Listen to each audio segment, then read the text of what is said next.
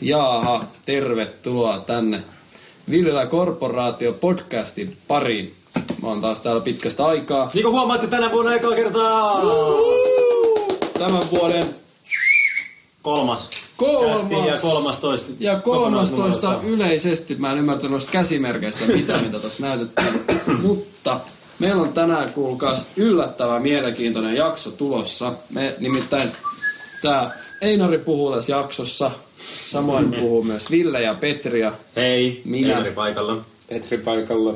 Ja tää on tänään ollaan erityisen kovasti ennakkovalmisteluja tehty. Ja tehty meidän pohjat jo aika hyvin tota, valmiiksi. Sami, katoitko sä näitä Living Deadin kaksi eri versiota? en Petri, entäs sinä? No mun piti katsoa. Entäs Ville? En. Mennään takas tuohon alkuspiikkiin, se kuulosti paremmalta. Pikkamet sisään. Eli tota, me ollaan nyt täällä taas meidän lepakkoluolassa keskustelemassa tosiaan niin kuin edellä mainittu Night of the Living Dead 3D ja Joo, ja sitten vaikka se oli 2006 tullut ja sitten on tää 2012 tullut 3D Reanimation. Night of the Living Dead siis. uusi animaatio. Joo. Ja siitä tosiaan puhutaan ja puhutaan vähän kaiken näköisistä muustakin henkilökohtaisista jutuista. Mutta meillä on taas tullut palautetta hurjasti niin kuin kaikkina muinakin kertoina varmaan. Kanadian Pils. Niin, eli meillä on taas palautetta tullut paljon ruttokaupalla niin kuin ennenkin. Ja katsotaan nyt. Ruttokaupalla vai? Eli tota, otetaan tää, tää ensimmäinen paperi. Sammukset taas. Ei, siitä meni vaan valo. se siis säästää itseään pitämään. Ole, ole, No. no. yle, yle, yle, olemalla. Eli oliko se tullut vielä jossain kautta selväksi, niin Canadian Pils lähetti meiltä taas hinnaston erilaisista pillereistä. Viimeksi oli Canadian Mess. Ai, siis toi on pils. Niin mä ajattelin niinku, niinku pilsneri.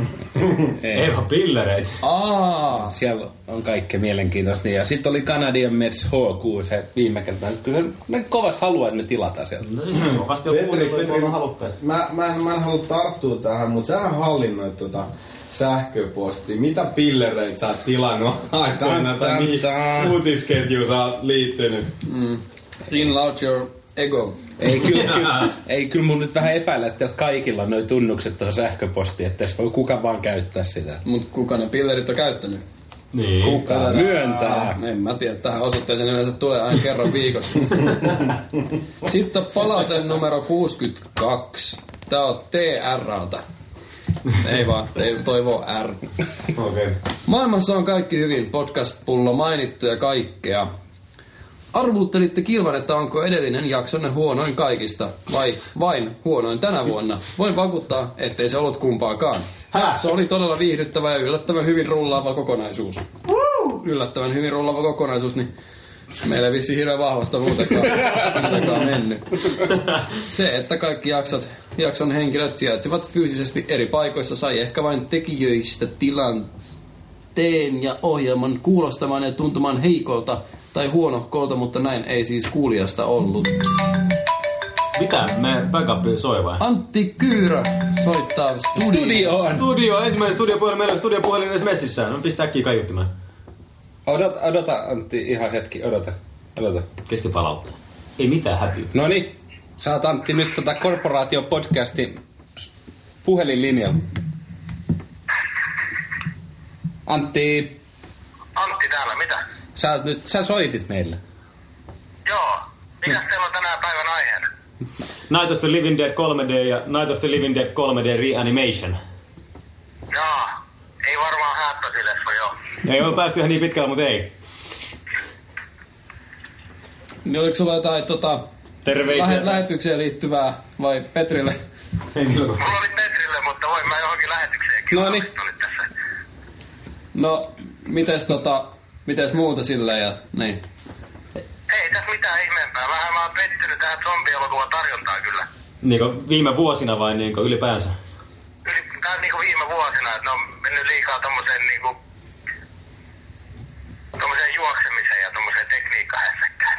Kannattaa katsoa tuo Night of the Living Dead 3D Reanimation viime vuonna tullut todella niin pienen budjetilla tehty Night of the Living Dead nimeä kantava ilman mitään syytä oleva elokuva. Se ei ole niinku, pelkkää juoksua ja se ei ole oikein niin nykypäivä zombileffa. Nythän, nythän tulee se War Jetta vai mikä sitä on, missä on Brad Pitt. Ja kuitenkin siinä tulee Brad Pitt pisteet taas aina mukaan. Niin, niin, tää World, World War Z, Z vai mikä vittu se on. En mä muista, en mä muista. Joku semmoinen. Niin se on se Brad Pittin, joo, joo, kyllä mä sen tiedän. Se, se, oli, se oli hauska, kun se oli siinä trailerin perusteella, vaikka ne zombit nyt juoksee, mutta kun se tehdään semmoisen niinku hyökyaaltomaiseksi se touhu, niin se, se, se oli ihan hyvän näköistä kyllä. Joo, se oli ihan piristysruiska. Et, mitä sä oot muuten mieltä Night of the Living Deadistä alkuperäisestä? Mä en oikeesti nyt kuule yhtään, mitä te siellä lähtisette. Sä, Petri. Eli mitä mieltä sä oot tästä alkuperäisestä Night of the Living Dead elokuvasta? No, se on ihan jees. Ihan Kyllä mä jees. siitä tykkään. Kyllä mä, ei sit oo montaa pitkään aikaa, kun mä sen viimeksi katoin, ja se on ihan toimiva pätkä kyllä vieläkin. Kiitos. Hyvä. Niin, Sitä terveisiä. tota, haluatko laittaa terveisiä vielä tässä? Ennen kuin... No mä voin lähettää tolle noin, kun vaikka Heinisen Sameli ja Lehdet Eroon terveisiä. Mä Eli Eli mennä tää- Petrin Terveisiä suuntaan kautta. teille. Joo, eli pusi pusi ja hali hali sinne meni. Joo, kiitos kauheasti. Joo, kiitos. Kiitos kun soititte. Joo, ei mitään. Ihan jees. Kiitos. Hyvä. Tota, joo, moi. No hei hei. Silloin oli vissiin oikeassa jotain asiaa, Petri. sun kanssa. niin, tota, Ensimmäinen podcast-puhelu. ja sekin meni tai aika tunkkaseksi. Ja sekin meni aivan väärään numeroon. Ei se mitään, Siis läpi tuli. Toiv- Meillä siis tänään ei ole podcast-puhelin mukana. Toivottavasti, toivottavasti Ei ole tää äskeistä kuului jotain sinne. ilmoitettu. Kysy jotain hyppi tossa, että kyllä se varmaan jotenkin saa nostettu. Palataanko vielä palautteeseen, niin... Ei, Ai niin asia. joo. Tota, ohjelma oli yllättävänkin hyvin jäsennetty ja rakennettu ja kaikin puolin siis hieno. Ensi jaksoon, siis tähän jaksoon, jossa tätä palautetta luetaan, toivottavasti saadaan se podcast-pullo ja herrojen keskinen mittelö siitä, kuka sitä saa eniten osakseen. Ai, ai, ai. Se on Moro TR. TR. Eli Podcast-pullo. toivo R. Podcast-pullo on jäänyt kyllä nyt ikävästi niin monena jaksona pois. Mm-hmm. Tänä vuonna ei ole kertaakaan ollut podcast-pulloa. Ei, ei, ei, ei niin kuin, et nyt meillä on onneksi saksalaista import olutta ja Lillistä. limpparia. Jees. Ja mulle tuotiin niinku autollisena niin ykkösolut. Ja Tätä, mä mietin, mikä se ykkösoluen rajoitus on, kun tässä, tässä on 2,8 prosenttia. Ykkös on rajoitus on se, mikä muutenkin on, että juot niin paljon, kunnes tuntuu hyvältä. niin, niin. Koitas nyt maistaa, niin sä, sä oot nyt sanoa jotain. Katsotaan, katsotaan mikä tässä on nyt kun lähdetään. Tässä on muuten suuri ero aina näissä alkoholittomia olueiksi, et ei koskaan pidä niinku sekoittaa alkoholiton ja ykkösolut keskenään. Ei missään tapauksessa. Ei, niistä No tulee sanotaan, samalla. sanotaan näin, niin kuin, että eihän se maullisesti ole mikään ero, mutta sanotaanko sä ki- kus, kuskaat sitä niin kuin ykkösolutta vahingossa tyypillä, kenellä on antapuspilleri, niin se, se on, sanotaan näin, että se ilta meni vituiksi. Niin. Tai se saa seksiä. Jompi kumpi, niin kumminkin menestynyt. Sellainen- Kaava siinä Aloin loppujen miettimään, miten toi Einorin to- toimii. Toimii tota. Miten mun lapset, kun... Niin. Milloin nyt lapsia koko ajan tulee? Niin mä oon sitä Se jotenkin on sitä miettinyt. keppan aikaa sieltä kaupasta hakemaan. ja Vähän niin Ja kuin. nyt kun mä aloin miettimään tätä, niin kuin, että Tätä Niin, sun mä äsken lastin. sanomaan, niin, niin mulla on, että on Kreetalla niin kuin iso alkoholiongelma ja antapuspilleri. Mutta tota, ei mitään. En mä pidä sitä ongelmaa. Niin, ongelma on si- itsestään lähtenyt. Et Teet sä siitä ongelman vai et? niin siinä se on ihan näkökulma kysymyksiä. Kusumuksia, että toisen ongelma on niin toiset jouluja. Niin, kun näitä, näitähän on näitä ihmisiä, mitkä sanoo, niin, että mikä vittu se ongelma on. Mm. Niin siis se tekee selkeästi siitä niin kuin omasta tota, luonteenpiirteestä ongelman. On se sitten niin kuin, että et, jos sä oot vittupää, mutta se ei ole sulle itsellesi ongelma, niin sit se on niin kuin ihan ok. Niin, ei se ole Mun mielestä. sulle, niin, ei, se ole mikään ongelma silloin. Niin, Ei se ole mikään ongelma. Mikä vittu tää muuten on? Ai, tuo, tuo tosi pieni tänne niinku kuusiokola vai vai se on mikä tää on? ruumineissani. Onks torksi? Torksi. Torksipää. Mitä vittu? Tehdäänkö Niin me kuin, näin niin kuin pieni? kaikki kuulette, tää on todella pieni torksi niin. meisseli Te ette edes näe sitä, kun se on niin pieni. Paitsi ehkä mielenne silmin. No niin, mutta mä voin mennä vaikka siihen, että miksi me ei tällä kertaa keskustellakaan Night of the Living Dead elokuvista, jotka on molemmat tullut vuonna 2012. Mä katsoin ihanasti ja nopeasti internetistä ennen viime jaksoa alkuun, että näemme katsotaan 2012 tullut kaksi Night of the Living Dead leffaa. Mahtavaa, molemmat katsottava.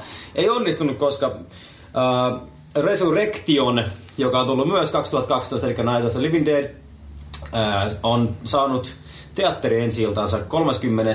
novemberia, eli marraskuuta, mutta tämä kyseisen elokuva DVD-julkaisu on vasta niin kuin jo ollut itse asiassa helmikuun 11. päivä ollut tuolla Brittein saarilla. Sieltä ei saatu käsimme kopiaa yleisesti. Se tulee vasta niin kuin April 30. Mut sä oot jonkun pressiversio ilmeisesti nähnyt. En, en, Onko tätä en tämä on Jarkko- se, mitä tätä ei ei katsottu? katsota, kun sitä ei saatu mitenkään käsiin. että Niin, mä tämä sanon, todistaa miksi sen, että me ei todellakaan, todellakaan katsota mitään muuta kuin niinku oikeita kopioita niinku näistä elokuvista. No ei todellakaan. Ja jos joku maahantuoja haluaa ruveta lähettää meille oikeat kopioit, Niin niin me kannattaa ottaa niihin yhteyttä. Niin, niin. Tai, te, tai, tai lakatkaa, lakatkaa kuuntelemasta tai pistäkää vittu kopsuun tulemaan. Niin. Postiosoite on viidenä korporaatio at pori.com.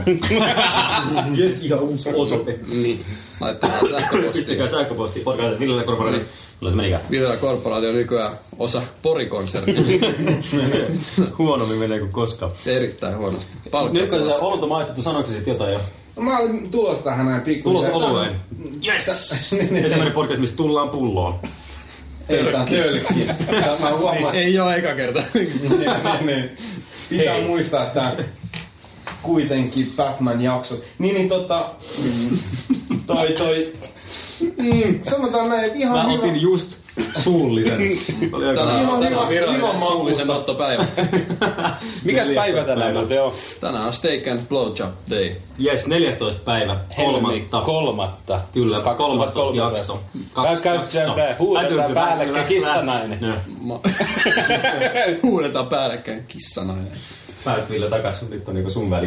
Niin, niin, niin, tosiaan mitä mä olin kertomassa, niin mä lähdin vähän semmoisen niin ennakkovaraukseen tähän juttuun, mistä mä huomasin vahingossa niin juomani, juomani tätä niin kuin enemmän. Ei ihan, ihan mukava makuus tämmöistä, että vielä uskaltaa rattiin lähteä. Eikö se edes ollut kauhean paha hintaista? Eikö? Eikö se ollut joku 45? Hei, tästä muuten uusista päihteistä puhe ollen. Onko te tuota, tuosta ilokaasusta kuullut? Joo, mutta se on kuulemma aika sellaista niinku väli, että siis kestää tosi ly- vähän aikaa. Siis Niin. joku vaan. pari minuuttia. Kaasut onkin. Se on vähän niinku, Kuulemma. Niin, niin. Mut, et, tota, tästä asiasta vaan nyt kun ratista siinä puhuttiin, siinä voi niinku puolen tunnin jälkeen heti hypät rattiin, tai se kaksi minuuttia kestää. Niin sitä voi vetää vittu liikennevaloissa. Niin. Kun näppärä, tai Helsingin keskustassa, niin sitähän voi niinku oikeasti monta tuntia, tai oikeastaan siellä niinku Mannerheimin, kun lähtee Marskiin vetämään, niin siinähän voi vetää päiväkään, niin tuu sen jälkeen auto takaisin, ja siltikään ei ole vielä niinku satana niinku Helsingin kadun liittymässä. Oliko tää rasistinen kommentti? niin, Näin niinku viittaat mennään sä, vetämään viittaat sä, että mannereita. Marski on Ai homo. nyt menen, Meneekö viittaako sä, että Markki on homo vai että niinku se on tummaihoinen mies? Niin, koska niitä voi vedellä vissiin vai hä? Onko sun mielipide nyt tästä asiasta? Oot sä Ville? Okei, tehdään kompromissi. Oot sä Jani pi- Toivola. No niin. Ei se ole kompromissi. On se nyt tavallaan kompromissi. No, on, niin kuin miettinyt. Niin, no joo, toisaalta. Mä en, mä en viitti sanoa toi. toi. Mä kuulen taas vähän hyvän vitsin. mutta- Niin. Mikä oliks se tää? Mikä, mikä on mustavihreä? Ei. Mikä on mustavihreä paskan taas spermaa? Vittu Ville, sä oot rasisti. Ei kun mä ajattelin niinku tää on tähän nyt on niinku... Ei, mä en oo kuullutkaan tämmöstä aikaisemmin. Etkö? No olen, No olen. mikä se on? No en sano. Green Lantern. Kyllä, se oli se kaikkea. Elokuva läppää. Aha, niin on. No niin, eli ykkösolut sai mieleen ilokaasun.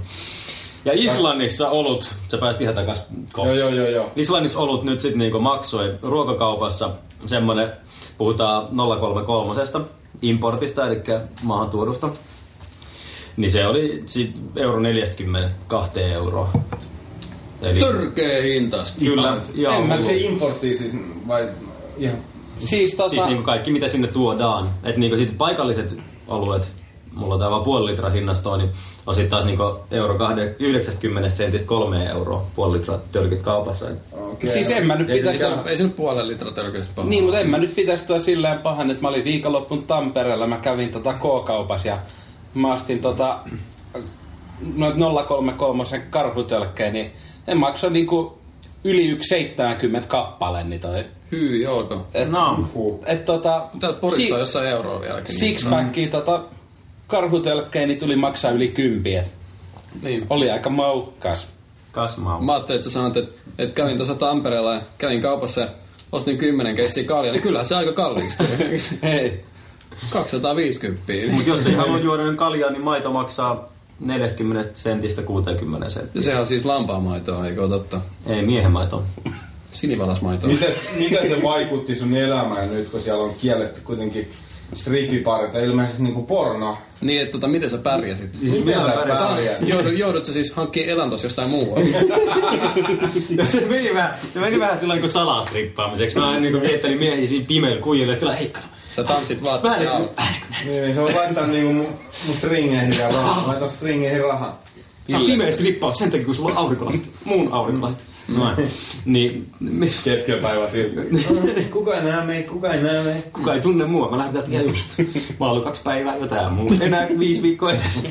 Tota, kyllä mä pärjäsin, mutta siis, no jos nyt ihan oikeesti tuohon pornoon mennään, niin Niin se nyt ei suoranaisesti vaikuttanut mun elämään ihan kauheasti, paitsi siinä kun mä yritin internetissä selata tiettyjä sivuja.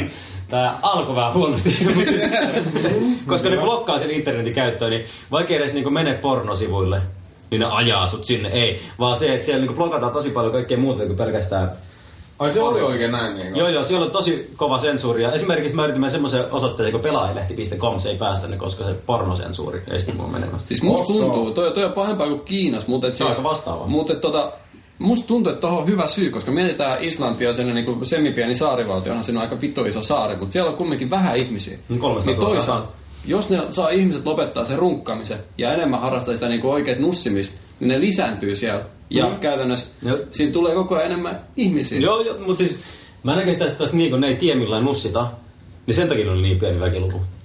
Ne tarvisi ehkä niinku pieni Niin, niin, te, lapsesta te, tämähän nyt ei oo niinku kuitenkaan... Niin, ei mun nussia kymmen- tarvii. Noin, ei vaan lapsia saada. Voi. monta koimenta vuotta. Tämähän on ihan tuore tota juttu. Mutta mä hei, tota, Christian Jeppe Martensson, niin voit sä kertoa kans, kun sä olit kans siellä Islannissa, miten tää pornon puute vaikutti sun elämään? Mä, mäkin sen Teemu, sama kysymys. Ja Niin. sitten taas semmoinen kysymys, että pitäisikö Islantista toimittaa niin vähemmän lampaita? Saisiko sieltä hyvät rahat niinku pimeä, pimeä porno? Mulla on ihan pimeet porno. Tässä on Mannerheimia joku mies. Aivan crazy, tää on tehty Afrikassa, Yle oli tehnyt. Se on kissanainen. Se on ehkä vähän seksistinen einarimaku. Niin. Mut ihan hyvä pimeä. No, kerrankin se elokuva tuottaisi jotain. Niin. Muuta kuin paha mieli. Ville. Ville on paha mies, kun sillä on paha mieli koko ajan. Mulla on niin paha, mulla on niin paha mieli. Paha olo. Niin sitten tota, to, sulla oli toinenkin tämmönen niinku kiinnostava kokenus, ko, kokenus, Kokemus. No Oli, Siellä oli. Islannissa vissiin. Et Oli. oli. Niinku sun huippuhetket oli kyllä aika, aika, aika paskat, niin, jos sanotaan näin. Että sä olet katsoa Islannissa ranskankielistä elokuvaa islannilaisilla tekstityksillä. Joo, koska Islannissa on duppauskulttuuri sen häävimmin kuin Suomessakaan. Eli lasten elokuvat dupataan, mutta sit muuten tekstit tulee sitten tänne näin. Eli sinne niin, eli heidän kielellä. Ja mulla on semmoinen hassu fakta, mikä ei ole yhtään hassu, mutta se on fakta, että ennen kuin Islanti sai omia tekstityksiä niin kuin leffoihin teattereihin, ne sai tanskalaisten tekstit niihin. Wow. Onko se, onko se hyvin lähellä Vai. sitten? No siis onko se aika lähellä? No on se sen verran lähellä, että Ruotsi ja Tanska ja Norja ja Islanti on aika lailla samanlaisia kieliä, mutta se on vähän niin kuin... Että Niin toi sama kuin meitä tuossa Muuta- virolaiset tekstitykset, että mitä hemmettiä. Niin kyllä se väkisi oppii siinä sivussa Niin. niitä tulkitsemaan.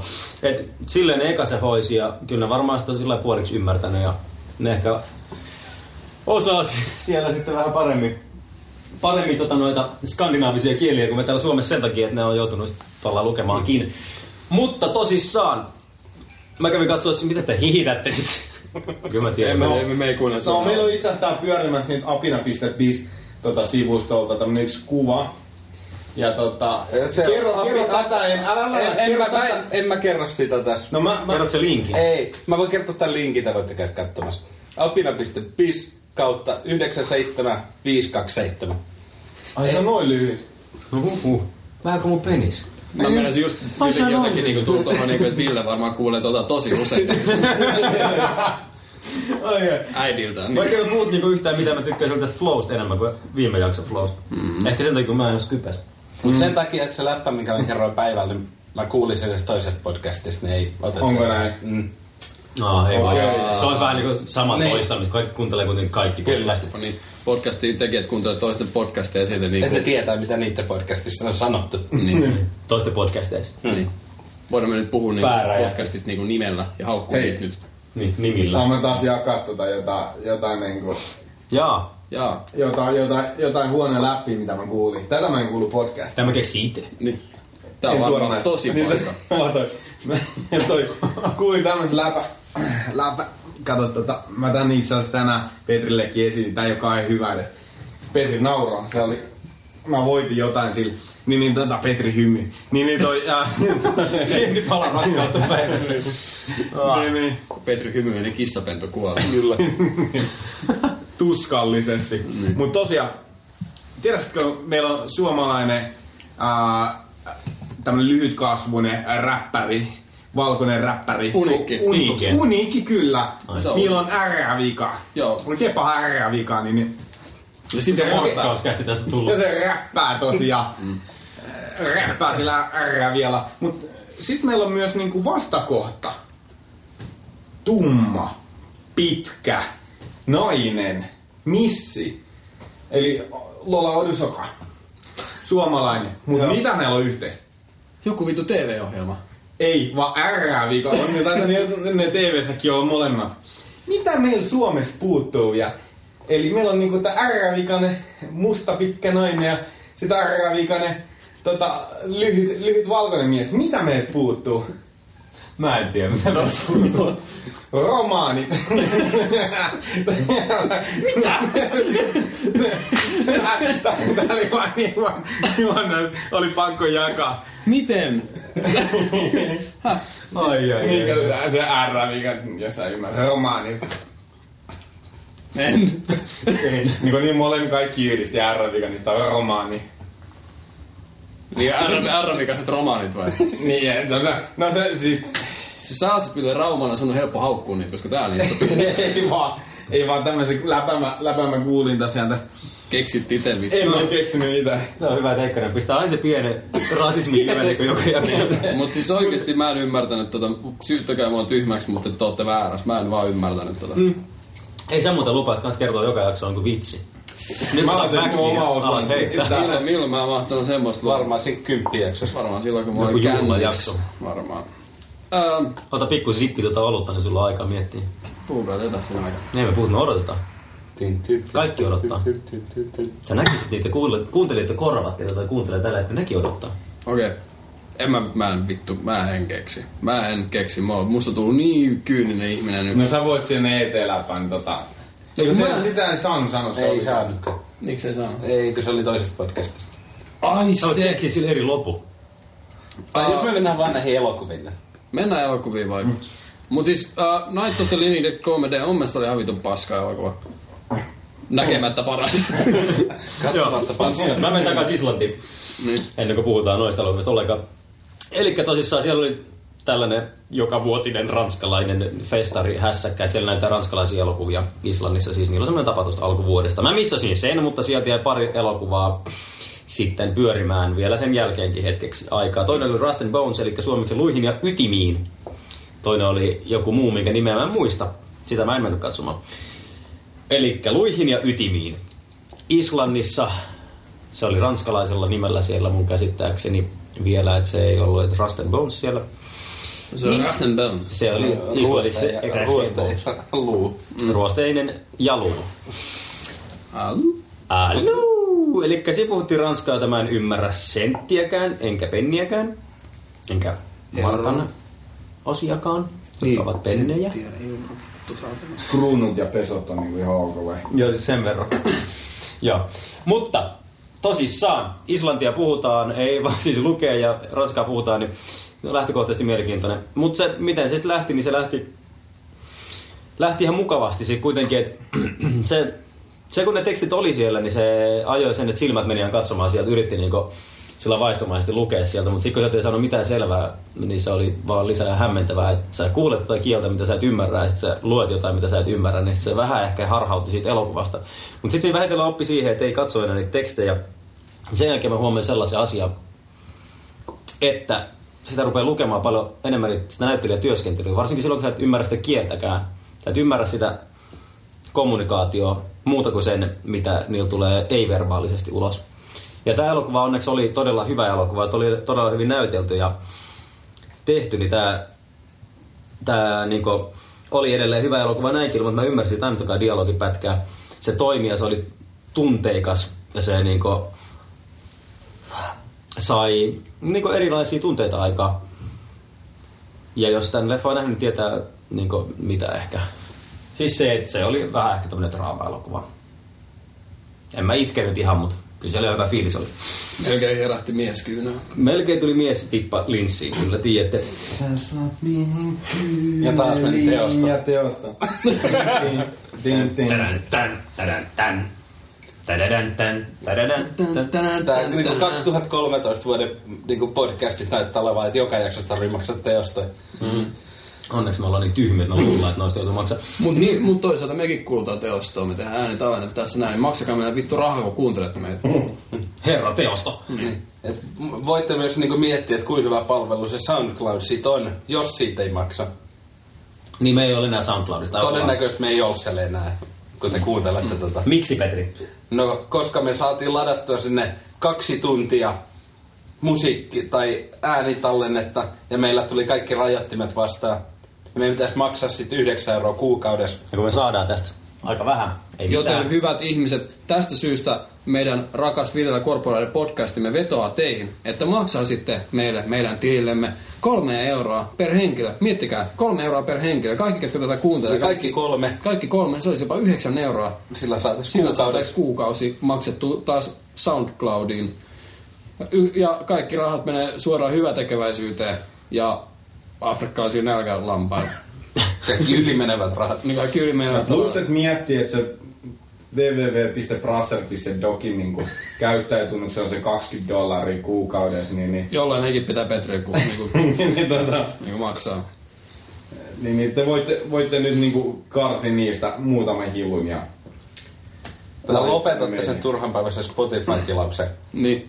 Nyt. Koska Spotify, se ilmainen versio, on kans ihan ok. Te ette vaan niinku pirusti noita sähköpostiosoitteita ja tämmöisiä, niin voitte kuulla käyttää sitä niinku ilman mitään rajoituksia, ilman mainoksia ja muita, kun laitatte vaan kahden koneen samaan aikaan soimaan ja laitatte toisen hiljaisesti, kun tulee niinku tai jotain, en mä vittu tiedä, mistä mä puhun. Tää on tekniikka asia. niin, ja. Mutta siinä elokuvassa Rust and Bones, Luihin ja ytimiin, siinä oli muutama, tai ainakin yksi kappale, en mä muista kuinka monta, niitä oli englanninkielinen kappale. Se nousi sieltä aika lailla kovasti yli, koska muuten ei ymmärtänyt siitä yhtään mitään, niin sitten englanninkielinen musiikki, jossa tuli laulantaa englanniksi siis, niin nousi sieltä vähän enemmän kuin se olisi ehkä tarkoitettu nousevan esiin. Ja sitten oli myös, katsottiin mahdollisesti YouTubesta jotain häkkiottelua, niin sieltä se selostus, sen pystyi ymmärtämään, niin se, mä ymmärsin sentään jotain siitä elokuvasta. Puhun ne suomeen siinä häkkiottelussa. Joo. Oliko se suomalaiset häkkiottelut? Ei se oli Suomalaiset englanninkielisesti häkkikoulut. selostettu. Se voi olla, että se oli suomalaista häkkiottelua, mutta se oli englanniksi selostettua. Mm, ja just se, että pienetkin, hienovaraisetkin eleet niin näyttelijöissä, ne nousi sieltä tosi hyvin esiin. Ainoa, mikä mua siinä itse asiassa tosi paljon häiritsi alussa, oli se, että se oli 16.9 se leffa ja se ei täyttänyt sitä koko kangasta, vaan se jätti sillä kylmästi mustat palkit sinne. Se oli semmoinen, mikä alku oli, että ää, en mä oikein voi katsoa tätä. No ei nyt oikeasti, mutta se häiritsi alkuun, mutta siitä pääsi aika nopeasti ohi, kun se elokuvasta nappasi kuitenkin sisäänsä. Tarinaa mä ymmärsin, mikä oli aika hyvin minulta itseltäni. Ja sitten tietysti kuvista kiinnitti enemmän huomioon ja äänimaailmaa, koska ei ollut siis äänimaailmaa muuta kuin siellä dialogia, kun siitä ei saanut selvää. Kyllä mä niinku ehdottomasti suosittelen, että joku kävisi katsomassa kans jonkun leffan, mistä ei käsity yhtään mitään kielellisesti. Adventti. Mannerheim. Mitä? Joo, Mm. niin. Se, jos on kyseessä hyvä elokuva, niin se on hyvä kokemus, mutta huono, jos se on huono, niin mä en tiedä, onko se hyvä kokemus. Mutta se on kokemus. Kokemus se joka tapauksessa on, että jos matkustatte Islantiin, niin menkää katsomaan joku ranskakielinen elokuva, mikäli niitä on siellä Ja katsoa. laitat joku koko valevy täyteen pornoa. Ihan vaan Ennen tämmönen niinku, matkaa. Niin. Ennen matkaa. Kyllä. Mm. Onkohan Ää. niinku, tota, ää, Lonely Planet, kun ne tekee näitä, tiedätkö, niitä matkaoppaasjuttuja nettiin, lukeekohan niilläkin se, että kun menet Islantiin, lataan nyt vittu kova levy täyteen porskaa ennen kuin lähet sinne. En tiedä. Voi. Mene Mä- sitten Lonely Planetin sivulle. Niin, eikö mä mietin tota, tota nyt kun päästään takaisin tähän, niin, kuin, niin onkohan se maahan tuonti myös, että jos sulla on niin kuin, sanotaan pari tuommoista fustere lollo lehteesi niin kuin, tiedät sä, niinku käsimatkatavarassa, siinä, mihin ne on niin kuin passi, passit on taitettu niiden väliin, niin, niin mukaan, niin onko se semmoinen, että se jää siihen niin No kuin. Sut tutkitaan saman tien persereikä. niin, ei vaikka sitten kun sä alat sitä käsitavaraa, vaikka tavaraa niinku pyöräyttää sen. Siellä ei ole semmoista niinku mitään metallipalestit, vaan se on sellainen niinku monta motoroitu vetusarvi, mikä tekee semmoista niinku pyörivä liike tällä, ja sit sä vedät vaan housut pois, ja sit menet peppuun tällä ja pyörittää sitä, ja katsotaan tippuuko sieltä jotain tavaraa. Ja yleensä Mm-hmm. tippuu. Yleensä tippuu paskaa vähintään. Sitten se Se on tulee pakko suoraan tippua niinku alapuolella. jonkun painon verran niinku. niin. Et pääsee sit, sit Schengen alueelle. Missä sit on niinku oma porttola. Koska sinnehän ei Schengen alueen kaikki säännöt. Niin päälle. Hyvä. Mä yritän vielä palata ihan vähän takaisin tuonne luihin ja ytimiin. Joo. Se, mitä mä siellä koin myös ensimmäistä kertaa niin elokuvassa, elokuvateatterissa, oli Kodekki-troppi. Elokuvateatterissa. Tuli tällaisia, siis ketä ei tiedä Kodekki-troppia, niin ää, ää, ennen aikaan niin VHS-kaseteilla esimerkiksi oli, tuli tämmöisiä, kun niitä oli paljon runkattu, kelattu, käytetty, niin tämmöisiä häiriöitä. Ja sitten taas filmillä voi olla tullut jotain roskia tai naarmuja, niin ne näkyy silleen niin virheinä. Kodekitroppi on digitaalinen virhe. Tässä tapauksessa siinä tuli sellaisia semi-isoja neliöitä näytölle, alle 10 kappaletta, mutta kuitenkin tuli sinne, oli ehkä puoli sekuntia ja lähti pois. Ei koskaan ennen elokuvassa, digitaalisessa elokuvassa käynyt näin. Onko teillä kokemusta? Ei. En, en, en mä usko, että... Vai olisiko se sensuroitu, tiedä, että sä niinku Islanti-tyyliä Ja tai... siellä on joku pieni pornohintti. Ah. Niin sehän saa jossain olla niinku- Hintti. Vihje. Vaan sullekin elokuvissahan yleensä näkyy tota niinku poslaria ja kaikkea muun niinku kunnon. No otas nyt. Olikohan tossa elokuvassa? Kyllä siinä ehkä. Mä en muista näkyykö siinä tissit. No ei leikattu pois. Ne oli Niin, si- si- naiset, naiset oli leikattu jalat pois. Sä muistat väärin. Aa, Niin, mutta sitten tämä, mikä mun tuli niinku tästä mieleen tästä elokuvasta, tarviiko elokuva kieltä? Eli niinku, totta kai dialogi, kommunikaatio ihmisten välillä, mutta tarvitsi kieli olla kenellekään tunnistettavaa? Ei, Ei tarvi. tavallaan. Se on aivan turha päivästä. Puhe on muutenkin yliarvostettu. Sen takia me tehdään tästä tämmöistä podcastia, mistä me puhutaan. niin. Niin. Kokeillaan sitten podcast-jakso ilman, että puhutaan mitään kieltä. Jaksa sitten joku kuunnella meitä. Ja ennen oli mykkäelokuviakin. Niin sehän oli vähän siinä niin kuin meidän Batman, Batman tota, jakson lopussa se oli vähän semmoinen kieletön puhe tai ainakin siellä vessassa, kun käytiin haastattelemassa Einaria. Nyt se oli haastattelijoista johtuva. Sisä kuullaan vähän semmoinen Mut siis joo, ei mun mielestä niinku, siis dialogi on sellainen väline siinä, se ei ole niinku mikään pakko olla siinä. Niinku, et tota, et sit tietenkin vähän hankaloittaa sitä niinku kerrontaa tai tekee sit vähän, tai sitä ei tule miettiä niinku enää, mitä sitä asioita tuo siinä ilmi, jos siinä edes niinku haluu kertoa mitään. Mm, mutta sä oot täällä lähti, niin, ah. Niin, mä ymmärsin ihan hyvin. niin. Ai. Eli periaatteessa niinku, sanoaksesi asioita, niin ei sun tarvitse sanoa mitään. Niin. Et niinku, periaatteessa voit pistää tuplata asioita silleen, että mulla on niin paha olo. sä voit sanoa sen, että voit näyttää sen myös niinku eleillä, että mulla on paha olo. Niin. Tai ristiin. Et periaatteessa mua pystyttiin tuossa elokuvassa huijaamaan niin, että entä jos siinä sanottiin, kun mä en tiedä, että jos siinä sanottiin jotain muuta, mitä se näyttelijä näytteli olemansa. Että jos niinku valehteli toiselle. Niin sitten Ja siinä tulee- on niinku nimenomaan just se, että et mitä se dialogi on ja mitä se oikeasti niinku tarkoittaa. Niin. Niin. Niin Tästä tästä ja nyt mä pitää- pystyn ainoastaan lukemaan vaan sen, mitä se ihminen niinku näytti ulospäin. Mm-hmm. Ymmärrätkö sä nyt niinku paremmin niitä ihmisiä, ketkä ei ymmärrä esimerkiksi Suomea, ketkä katsoo Samin Pori-elokuvaa? Niin. Ja Koska silloin niitä jää Mm. siitä niinku osa läpi tajuamat, koska Niin, ne... niin, no siis joo, mutta tos, tos elokuvassa on eri asia Porissa, kun Niin, se, se, se- se sä- tukeutuu sitten taas siihen, niinku, siihen kieliläppään. Niin. Mutta jos se elokuva, Ei, mikä läppä. ää, jos se elokuva Mm. Saatana dokumentti. sinema verite. Mä ymmärrän ihmisiä, jotka ei osaa suomea ja ymmärtää kalamia se elokuva. Niin, nimenomaan. Siinä ei puhuttu mitään. Oh, siinä laulettiin kyllä vähän, mutta en mä tiedä, ne laulun sanat, niin ei tarko- tarkoittanut mitään. Ei ainakaan niinku, Siinä siihen, niinku, niinku ihan suoraan niin, kytköksi siihen sisältöön. Mitä, mistä Kolme elokuva varttia kertoo. humppaako teostoa, joo. Mä olin just miettimään, mitä se menee.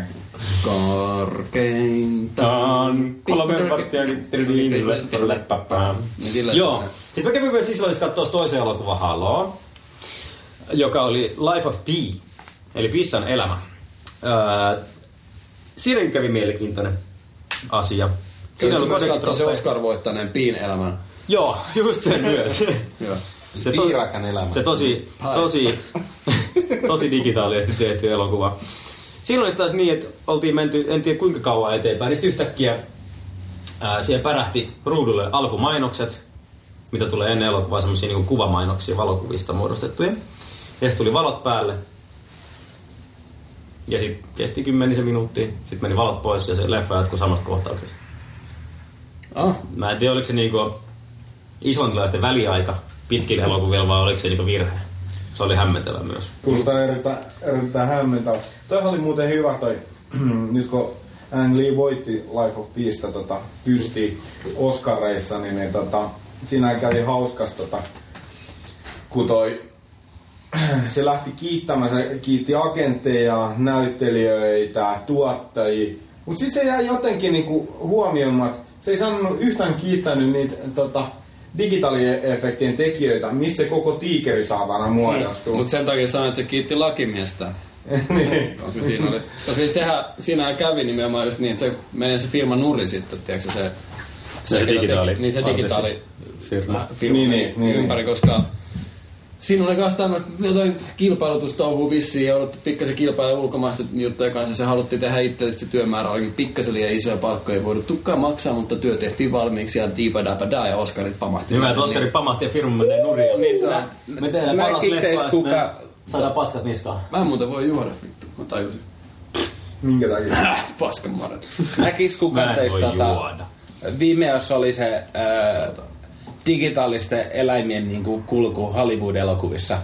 Vimeossa. Mm, Se mä en löytänyt sitä enää uudestaan. Mä luulen, että se poistettiin sieltä. Mm. Se liittyi just tuohon, kun ne protestoi siellä Oscareita aikana, ne, Joo. jotka tekee niitä. Niin sitten oli Vimeossa oli semmoinen video, missä näytettiin, että mistä Hollywoodissa oli lähtenyt digitaalieläimet ensin. Okei. Okay. Koirien ja kissojen liikkuvat suut ja se, miten ne olisi mennyt kokonaamaan animaatioihin ja sitten tähän Life of Peen niin kuin, Niin, niin. koko tiikeri. Mutta mä ajattelin, niin kuin nyt mä hyppään taas asiasta tähän, palaan tähän Einariin. Että mm. miettikää se Einarille olisi käynyt niin, että olisi Life of Peace lähtenyt niin kuin ne digitaaliefektit pois. Mm. Ja sä oot kun sä mitään.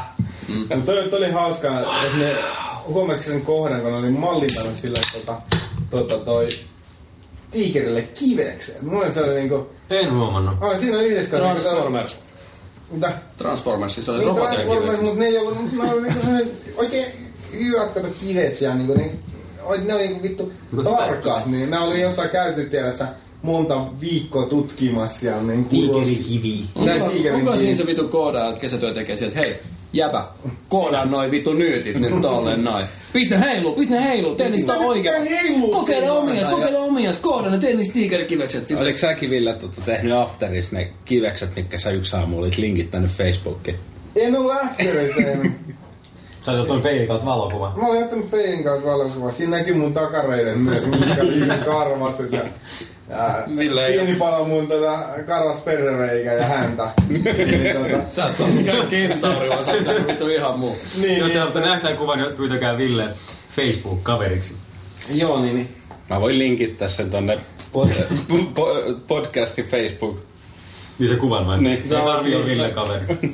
Mutta tiesikö sitä, että sitten niin kuin siinä Pi-elämässä, niin siinä oli siis about 80 prosenttia oli vissiin sitä Digitaali- ää, digitaalitiikeriä ja sitten loput oli oikeat tiikeriä. Oliko se niinku häntä päästä laskettun vai naamasta? Jep. Niin Oikein tiikerin häntä. Hänen pää. Mutta siis siinä, käy, siinä käytettiin oikeat tiikeri apuna silleen kanssa ja... Niin se oli se setissä siellä. Ei näytä aidolta. Niin. Hei, mä en oo toi. Asiantuntija. Mä Ei en oo näytä toi. aidolta. Siis ei niinku... Mä menen...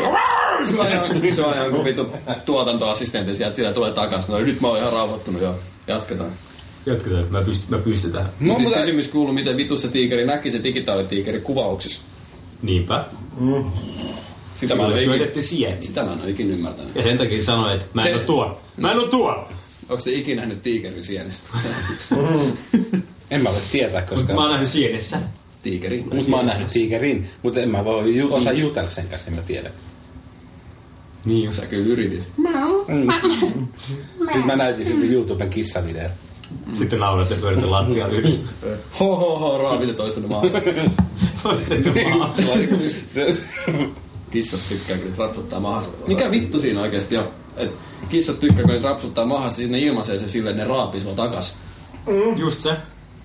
Mä tykkään tästä. Niin, mä tykkään Kun mä ra- rapsutan, niin sinä hyökkää sen kätenkin ja sitten mm. tekee mieli ottaa se kurkusti ja jos sitä sekä lattia, niin hiljaa. Onko sun kissa nimi hiljaa? Hiljaa. hiljaa! Hiljaa. Hiljaa! Turpaki! Siis ne on niitä kissojen nimet. Turpaki. Turpakin ja hiljaa. Hiljaa, turpaki, tänne näin. Se oli sun sun läppänuutta tällä kertaa. Ah. Yes. Huora kyykky, se on kanssa yksi kissa. Mitä, oliks tota Oli. Islannin kirjanvaihtoreissu tässä? Kyllä mä nyt näkisin, että mä oon käynyt läpi Meidän palaute ollut koko tässä. Islannin. Joo, mä unohdin tarkoituksenomaisesti ton podcast-puhelimen. Ei voi katsoa, kun mä tulee tätä viestiä. Sinne. Meille tuli soittostudio. Joo. Meillähän on tapahtunut vaikka mitä tässä. Eikä ollut päästy vielä biihinkään. Ei ole vielä yhtään elokuvaa käsitelty. Ei, ei niinku... Elokuva ei puhuttu kauheasti elokuvista, mutta yhtään ei vielä käsitelty. Ei tässä, tässä ei käsitellä. Okei. Ekraani on nyt, menee koko ajan alemmas nuo sivut, missä käyt, niin jatketaan eteenpäin. Tota, eli Night of the Living Dead 3D 2006 vuonna valmistunut Jeff Broadstreetin, oliko oikein lausuttu nimi, oliko se oikein nimi? Ohjaama, kyllä Broadstreet, Jeff, ohjasi tällaisen elokuvan. Ja ja, sitten täällä lukee kun siis tää on Night of the Living Dead, ja kaikki jo tietää, että se on Romeron leffa, se alkuperäinen 68, löytyy Internet Archiveista ilmaiseksi katsottavaksi laillisesti. Niin tässä, tässä on myös mukana kästissä George A. Romero. Ja se, miten se on tähän päätynyt, on se, että kun se on kirjoittanut sen ensimmäisen Night of the Living Deadin screenplayn, niin se on tässä elokuvassa sen takia myös niin kuin nimetty, koska sen pohjalta tämä elokuva on kirjoitettu. Tän, tän, tän. Eli täys, täys markkinakikka saadaan niin iso nimi leffaan mukaan sillä, että käytetään sen käsikirjoitusta lähteenä käsikirjoitukselle. Ehkä ne on joutunut jonkun luvan siitä maksamaan tai jotain. Ehkä ei itse asiassa, koska tuohan ei sisällä mitään tekijäoikeuslupia tuo näytellä videon ensimmäinen. Se saattaa olla, että se on vaan hyröstetty ja raiskattu. En ole varma. Tehty Mutta... niinku viikingit te- tekee. Ne, raiskattu. Tää ei oo enää mitään gorilla tai indie, vaan tää on vittu viikinkielokuvaa. Me ryöstetään ja raiskataan. Poltetaan ja, Raiskataan. ja taas soudetaan. Niin. Ja löydetään Amerikka uudelleen ja... Sanotaan yes ja tullaan takaisin. Niin. Kypärät vittu sarvet päässä saatana ja... Mitä muun ne viikingit teki? Joi kaljaa, Kirveet ja ryösti ja touhuja. raiskas ja löysi Amerikan uudelleen. Niin, ja sitten tuli taas kotiin. niin. Sarvet vinossa ja ryösti ja raiskas. Taas ja poltti Amerikan. Ryösti vaimot ja raiskas koirat ja Niitten kissat, koirat. takas kotiin ja mietti mitä toi taas tehty. Mitä tapahtuu? Ja sit viikingit loppu, kun ne kaikki sai nuolen polven. Niin. Niin kun ne kekkaset, tää ei mennyt hyvin. Mm. Tuolla nuoli- nuolipolviläppä oli ehkä vähän liian nörtti. Mut joo. Elikkä Night of the Living Dead 3D. Mun mielestä aika tota, väärin käyttää tollasen mahtavan kulttimestariteoksen nimeä ihan vaan markkinakikkana, että ihmiset tulisi katsomaan leffaa. Oliko se sitten pelkkä markkinakikka, koska tästä kyseisen elokuvan käsikirjoituksesta käsikirjoitti tämä uusi. Ja tämä ei kuitenkaan ollut täysin sama elokuva niin kuin käsikirjoituksesta. Tämä oli muutettu hieman. Hieman. Esimerkiksi, mä en muista, oliko tässä leffassa edes yhtään tummaihosta näyttelijää, kun taas alkuperäisessä oli tämä niin sanottu päähenkilö. Ja 68 vuonna se oli kummallista touhua se. Mutta 3D tosiaan, mä katsoin tätä 3D, mulla oli DVD-versio, ja tässä oli tosissaan, tuo 2006 tuo 3D-tekniikka ei ollut ihan, ihan vielä sitä, mitä se nyt on. Niin tää julkaistiin tosiaan puna sinilasien kanssa. Millaiset toimii nuo punasinilasit? Niinku, oikein ne värit meni ihan käteen. Värit menee käteen, joo. Ja sitten ainakin tämä elokuva kohdalla, varmaan aika lailla kaikki muutenkin puna sinilasien kanssa, niin mulla oli pakko ottaa ne muutaman kerran pois päästä, kun mä katsoin, koska se, että on tommonen low resoluutio ja tommonen vanha 3D-tekniikka, niin mulla ainakin rupesi pää hajoamaan niin siinä jo muutaman kymmenen minuutin kattamisen jälkeen. Se ei vaan niin oikein putaa. Siinä Puta. on, siinä on kyllä niinku värikorja ihan onnessa. Jees, Mä teen hyvää työtä. Mä teen niin hyvää työtä. tää on vaan punainen sininen. Toisen silmän sininen. Mikäs siinä palkkaa nostellessa? Niin, varmaan tässäkin elokuvassa on ollut budjetti niin suurta, että on tarvinnut oikein ottaa isot palkat. On on. Mutta tosissaan. Eli tarina on aika lailla sama. Itse asiassa tämä elokuva alkaa ensimmäisenä tätä Living Deadin alkukuvalla. Auto ajelehtii sieltä tulemaan. Sitten zoomataan ulos. Se näkyykin televisiosta, tulee Night of the Living Dead-leffa. Ja sitten se näkyy toisen kerran tässä elokuvan aikana Night of the Living Dead originaalileffa. Mutta siis joo, alkuun mä olin tietysti innoissani, että 3D-zombie-elokuva. Mä en ole koskaan nähnyt 3D-zombie-elokuvaa. Onko ketään muu? En. En Mä en tiedä. En mä tiedä. Mä en tiedä. Missä sä oot ollut? Ani Prahas. Joo, toi, toi 3D-elokuva, mä muistin, se oli tämmönen nukke-animaatio. Mä en Sillä- nähnyt.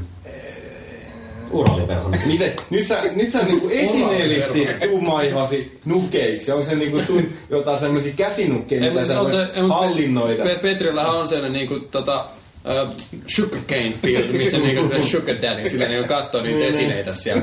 Liikuttaa niinku shakkinappuloita. Nyt Petri on siellä sillä niinku... Nappuloita. Petri Koivista, mut voi kutsua niinku massaksi. Niin. Don't talk to me like that, nigga.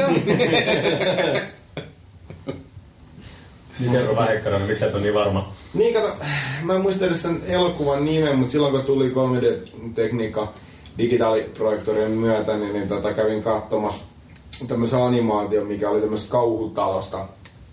Nukkeanimaatio. Okei. Mä en muista mikä sen nimi, nimi oli, mutta tota, se oli silloin erittäin suosittu. Ja tota, se jouttiin purtoon, mutta se oli hyvin samankaltaista tota, tota, meininkiä. En muista tosiaan nimeä, nimeä mutta tota, Mut hyvä elokuva oli. Siis joo, kyllä mun mielestä hyvä. Mun mielestä siinä oli kyllä jotain tämmöistä niinku zombimeininkiä jossain vaiheessa, mutta... Mut se ei ollut niinku zombie-elokuva. siinä Ei oli se vähän kokonaisuudessa ollut. zombie- No niin, mutta- eli kukaan ei ole nähnyt 3D-zombie-elokuvaa muuta. Eikä minäkään ollut ennen tätä. Se- Mä olin siitä innoissani. Mut sitten kun Mi- pää rupesi millaista olit särkemään... innoissaan? Niin kuin... Wessuu! Wahoo! Niin. Tai jos Oliko sä katsotaan niin punainen... innoissa, että lakana piti vaihtaa? En mä ihan niin, mä olin niin innoissani. Olit sä siitä lakanat, alushoususta. olit sä lakanat pää kattoo elokuvaa. Just mä yleensä pukeudun semmoiseen isoon valkoiseen lakanaan, kun mä katson zombie-elokuvia. I'm a white knight. In the middle of a day! Miksi se teatteri tehdä tämmöisiä niinku...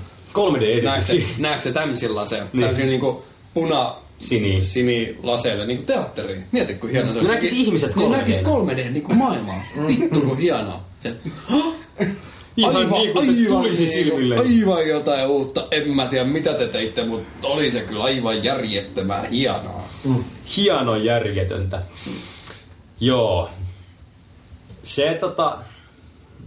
Pff, Mennään nyt sitten. Tuo toinen elokuva oli tosissaan Night of the Living Dead 3D Reanimation 2012 vuonna tullut elokuva. Sama ohjaaja ja Jeff Bradstreetti. Ai. Ja Tähän välissä meidän kysymys. Kuinka Vakavaksi. mont eri Night of Living Dead elokuvaa on tehty? Onko siellä ylipäänsä ei Mä ole sanoin mitään. viisi. Monta. Monta. Enemmän kuin viisi. Joo, mä sanoin nyt viisi. Mä sanoin enemmän kuin viisi. Mä en, mä en kerkenyt hakemaan. Ville kattoo. Mä koitan kaivaa täältä. Mutta siis niitä on tehty paljon, tuota nimellä on ratsastettu ja tänä vuonnakin tulee ulos uusi. Olisiko Origins, mikä tulee 2013 ulos. Näytä Origins vai Origins? Or, origin, Origins. origins. Origins. Niin, nämä just sanoinkin. Niin, eikö mä vaan mietin, että niinku, mitä vittu. Origini. Slave jeans. Jep. Tosissaan 2012 on tehty sama äijä. Tässä sitten taas ei ole Romerosta edes hajua. Samaa nimeä käytetään edelleen. Ja kannattaa katsoa, tota, jos nyt jompikumpi näistä elokuvista, niin tuo 2012 vuoden elokuva. Koska tuo 2006 vuoden 3D on semmoinen ihan siedettävä mm, B-luokan leffa. Ne zombimaskeeraukset ja tälleen, ne on ihan niinku paikotella sillä ihan B, BGs. niinku. Mutta sitten taas tässä 2012 vuoden, mä en tiedä onko ne alittanut riman vai onko ne vaan niinku saanut budjettia ehkä 100 000 kertaa vähemmän mitä tuohon edelliseen, mikä haiskahtaa tuossa edellisessä kyllä 2006 vuoden mallissa, että sinäkään liikaa ollut rahaa käyttää. Mutta siis tämä 2012 vuoden kuusi vuotta myöhemmin näyttää niin paljon huonommalta kuin se 2006, että se oli aika hienoa. Siinä on niin, niin kämäsiä ne kaikki efektit, kun ampu- ammutaan zombeilta päätä irti ja kaikki se kannattaa kyllä ehdottomasti katsoa. 2006 on vähän semmonen, että me nyt tehtiin tää vanha leffa uusiksi tähän päivään ja 3Dn ja Ja sitten ne yritti sitä sillä B-luokkaisesti. Vähän huonoa näyttelyä. Niin 3D, niin kuin, silleen, että 3Dssäkään mitään niin järkeä, ei se oikein toiminut siinä. Niin kuin, mä en odota, että 3Ds tuotaisiin silmille lyötäisiin tavaraa kauheasti, mutta tossa vaan jotenkin särki päätä ja kyllä se siellä oli. Mutta ei se tuonut siihen mitään lisää. Tuosta niin B-luokan näyttelemisestä tuli mieleen, niin kuin, että et saakohan hyviä näyttelijöitä halvemmalla, jos sanon, että näytelkää niin B-luokan niin kuin, näyttelijä. Mä luulen, että se on niinku B-luokan palkotus sit sama. Niin. Sitten silleen, että, joo, kyllä mä ymmärrän, mä ymmärrän. Tota, niin, et siis saak niitä halvemmaa silleen. Lähettäkää kommentteja, kysykää. Ja jos olette näyttelijät, ketä kuuntelet, niin kertokaa. Niin, et lähestä messi, jos teidän ei pidä näytellä niin tosissaan.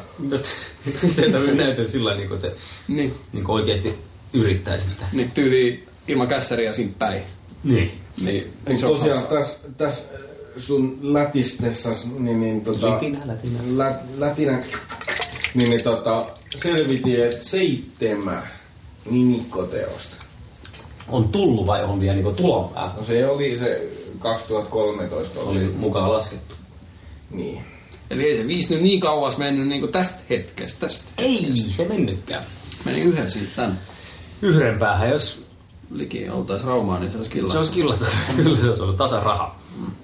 Mut loppujen lopuksi miettii kyllä Pori aika vähän Raumaa, kun miettii kuin iso maapallo kumminkin. Niin jos joo, tai jos miettii universumia. niin. Niin tässä niinku ollaan likitulkoon niinku samaa kylää. Joo, jos katsoo tarpeeksi kaukaa, niin edes niinku huomaa, että olisi niissä. Ne eroa. ai, toi kaksi paskaa oli erilleen tosa. Mm. En mä kato tajunnutkaan. Ai, Samalta ne haisoo. Niin. Siirryt, ei Rauman poja. Tässä on tää niinku Venäjä ja tässä on tää Luxemburg. Niin. No ihan vierekkäin. No, kun tarpeeksi kauan katsoo, niin siinä ei mitään muuta näe kuin nimenomaan Venäjä ja Pori ja Rauma. Ai, täällä on Suomikin jossain. Ai mikä väli tämä tässä haaroväli onkaan? Gaa. Mutta kuinka erilainen Suomi olisikaan, jos se olisi niinku Venäjän vallan alasena? Se olisi- tai natsi-Saksa, niinku, siis nämä on mielenkiintoisia juttuja. Tai voittanut 94 MM-kultaa. Niin. Tai! Teemu Selänne ei olisi koskaan lähtenyt NHL. Tai Mika Myllylä eläisi edelleen. Niin. Tai Matti Nykänen ei olisi alkoholisti. Havuja Tai- perkele. tai Tarja Halonen olisi blondi. Tai presidentti. Niin. Tai. Hieronta olisi laillista joka asteen ja ajatuksen. Mm. Tai viidakon tähtöisistä ei vittu tehtäisi toista tuotantokautta. Onks niistä tulos? vai? Kyllä. On Ketä, tehty. ketä, ketä ne on saanut sit siinä mukaan? No, Ihan tähtösiä. sama- Ihan kun mä mainoksesta näkisin, että siinä oli samat tyypit. Yes. Jos te samat tunnisit Ne- tämän. Joo, joo, no niinku... s- siis ei nyt niinku, mä en lähde haukkumaan yhtään niinku mitään suomalaisen niinku tv Naiskauneus. Naiskauneus. En, sitä voi kyllä haukkua, mutta en missään nimessä niinku suomalaisen niinku TV-sisältöä. niin, mutta et Mm. siis... Megabilettäjät. Megabilettäjät en ole kyllä nähnyt, kuuluu vaan hyvää. Ja, ja, ja tota, ö, viidakot tähtäiset silleen, niin... En Siis ole mä kyllä katsoin, mä nähnyt. katsoin sitä tota, Ekan kautta. pari jaksoa. Tosissas. En tosissani, vaan mä katsoin mielenkiinnosta. Niin, siis niinku, nyt vaan rehellisesti, niin ei se edes niinku jaksanut se niiden pimpojen typerä touhu niinku olla kiinnostavaa. Se oli vaan niinku semmoista, että ai ai kun aivoja vihloo, että taidaanpa niinku mennä tappamaan itse. Mutta siis silleen, niinku, että ei se, mun mielestä se ei nyt niinku, mä en, mä en, niinku, mä en ihan täysin ymmärrä sitä formaattia. Tai siis ymmärrän, että siis varmasti sitä porukka kattoo, ihan varmasti. Mutta Mm. Mut tota, siis siis tossa on tota sellainen... siinä ollaan aika ääripää siellä nyt niinku.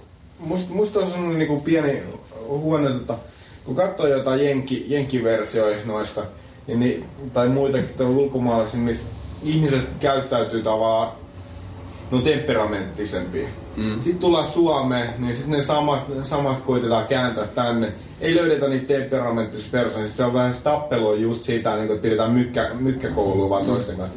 Vittu, minä en, minä en sano mitään enää. Sitten kun lähdetään Suomeen, niin mä en enää koskaan tuu sun kanssa baariin. niin, niin. En ole Mutta niin. sitten siis kun ul- ulkomaan, niin se nimi on sitä, että ne kynsi toistensa naamoja. ja- Se on niinku rehellisesti viihdyttävä, se on niinku gladiaattoritouhu. niin, niin, Niin, niin kuin Toni niin. Halme touhuu vai? Niin, Toni Halme, yleisavain. Se on niinku sitä Touhua. touhua. Niin, mut siis joo, toi on niinku, että jotkut tietyt formaatit ei vaan toimi suomalaisille ihmisille. Niinku, se on vaan fakta. Kun ei niinku mikään. Niin. Mä olin, Paitsi, niin. paitsi tää... Pärjähtää. Diili. Ei vaan tää huutokauppakeisari, oliko se semmonen? Huutokauppakeisari, joo. Hei, se on muuten yllättävän miellyttävä sarja. Mä oon kattonut sitä. Mä olen. Ei se ole Ville. Onhan. Se on mun mielestä hyvä. Lepponen saare. Sama kuin oli sen eh, tota, hissu ja korpala kävi kalasta. Siinä on just semmoista perisuomalaista niinku meininkiä. No hienoa. No joo, se- se, se- nyt mä tiedän, miksi se tehdään. Nimenomaan, sit kun ne käy jotain saatana Iitalan maljo jostain 40 ja myy ne sit siellä huutokaupassa 80.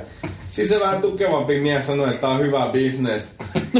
Ja Kaikki alvit maksaa, niin saa 15 euroa tili. Jaakko saa vittu pizza.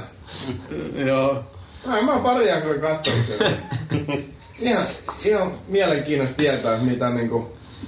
Tiedät sä se pisaramalja, minkä äiti on ostanut, niin jos, jos sen joskus rahapulas vie, niin kuinka sitä pyrkkää. niin, niin. Niin, et se on se sun näkökulma siihen sarjaan. Niin, niin. Joo, joo. Mut silloin kuvaputki telkkari, niin sitäkään on paha pölli. Mut, Niin. mut, mut, innolla, Aivan. mut innolla odotan kumminkin niinku sitä Uut innoa vai? Innoa. uut, uut innon Markoon. Markohan vetää jonkun uuden TV-show. Siis niin vetäisi joku Mm. vittu sisustusta Markon kanssa, tai en mä tiedä mikä sen nimi on, mutta vittu Marko. Siis mä oon monta Marko, vetä- Marko niinku sisustusihmisistä, niin se on se, ketä niinku silleen niinku, että uh, vittu, uh, ihan, Ihana suomalainen nainen. niin, niin, tota, niin kumminkin, ja siis siitä mä en ollut puhumassa, vaan siitä, ö, oliko se se Farmi-niminen se uusi Niin se tuoli 800. survival-juttu tyyppinen, missä ne jotkut tyypit lähetetään siinä 1800-luvulla, niiden pitää selvitys. Ja, niin mä oikeesti toivon, että se on semmoista HC-selviytymistä, ettei se ole sitä, Oletteko ne kamerat tämän- sammuu, niin tosta tee pizza. Oletteko tänne Se on Simpsonille suoraan ripattu. Niin, Kyllä. Nimenomaan, siis joo, siitä, se, niin kuin, Joo. siitä olikin vähän tota, ollut puhetta. Niin, mutta et silti mä niin kuin, toivon, että se on semmoista niin kuin, tiedätkö, tosi HC-hommaa. No eikä oo. Ei varmana ole. Ole, et se talo ajelehti siellä niinku koskes sit jossain kohtaa. No HC Simpsonit on ollut. Mut et niinku... Siellä on tiikereitä. Joo, noitahan... Suomessa oli 1800-luvun tiikeri ja mammutteja. Siellä on vitu Ville laitettu turkki päälle. Ne oli Sua- vaan Suomi oli niinku- sapelihammastiikereitä. kokonaisvaltaisesti yksi iso helvetin korkea saari, niin, niin. Mut nyt tässä podcastista mä sanon tän, mä voin todistaa tän, Mm. että et joku tekee tästä ihan varmasti ohjelmaa ja varastaa mun idea, koska mä sanon se tässä. Joo. Niin on se, että niinku pitäis vaan niinku ostaa kaljaa ihmisille ja laittaa ne rakentamaan tai kunnostaa mökkiä rantasauna. Niinku, siis ihan nykyaikaisin vermein. Ja niinku siinä on se pointti, että siinä on jätkäporukka, ne niinku dokaa siellä. Hei, ja onks sinne- niin, tää nyt siis ne kun grillaa. feministit pääsee kiinni? on feministit Oh. tosiaan toiselle saarelle. Oh. Okei, hyvä. ne rakentaa siellä riippumattoja ja heinähattoja. Niin tota, niin, Selvispäitä. näin- Näillä miehillä selvispäite. Ja tota, niitä ei kuvat ollenkaan. Sieltä tulee podcasti vaan, kun ne vittu sukii siellä heinä. Niin, tota, Aikaiseksi ne saa ainoastaan niinku yhteisen kuukausikierron. Niin, kuukausi. Oh, me ollaan niinku sisaruksia. Kun me päästään pois, mä en ikinä sinun kanssa baariin enää. niin, tota, niin siis kumminkin, niin silleen, että et jäbikät niinku rakentaa mökkiä ja rantasaunaa siellä. Ja niin niinku annetaan, tiedätkö, X määrä rahaa, kirves ja vasara ja niinku kaljaa ja ruokaa. Niin tuodaan siis kaljat ja ruoaa, niitä ei tarvitse itse hakea. Mä sitä. olisin, että itse syön. Siis, joo, totta kai ne syö. Mut jos niillä on oikein paljon sitä kaljaa, ne voi syöttää toisiaan. Sillä Kyllä on Niin. varmasti syöttäjä. Niin, ja mieti, millaisia ideoita sieltä tulee, kun jätkät on kännispäitä sille kaksi kuukautta, ei mitään ketään muut kuin toisia siellä. Niin Esa saatana. Niin, Esa, sä oot oikeastaan itse asiassa aika hyvänäköinen äijä. Mennäänkö paneen saunatasi, kun se on pystys. tota, siis sä teet sä treffeet tämmöstä. Mut siis siinä olisi hyvä ohjelma, mun mielestä mä, sitä mä katsoin. Siis kyllä mä sit sanoisin, että... Kyllä mä sitä podcastia kanssa kuuntelisin. Niin. Oi, ja sit tota... Siitä voitais tehdä niinku spin-off-sarja, mistä tota siitä tuodasta toi noin Yksi, yksi elävä mammutti. elävä mamma Mitä vittu mä ton kanssa tehdään? ja teuvoloman. Joo.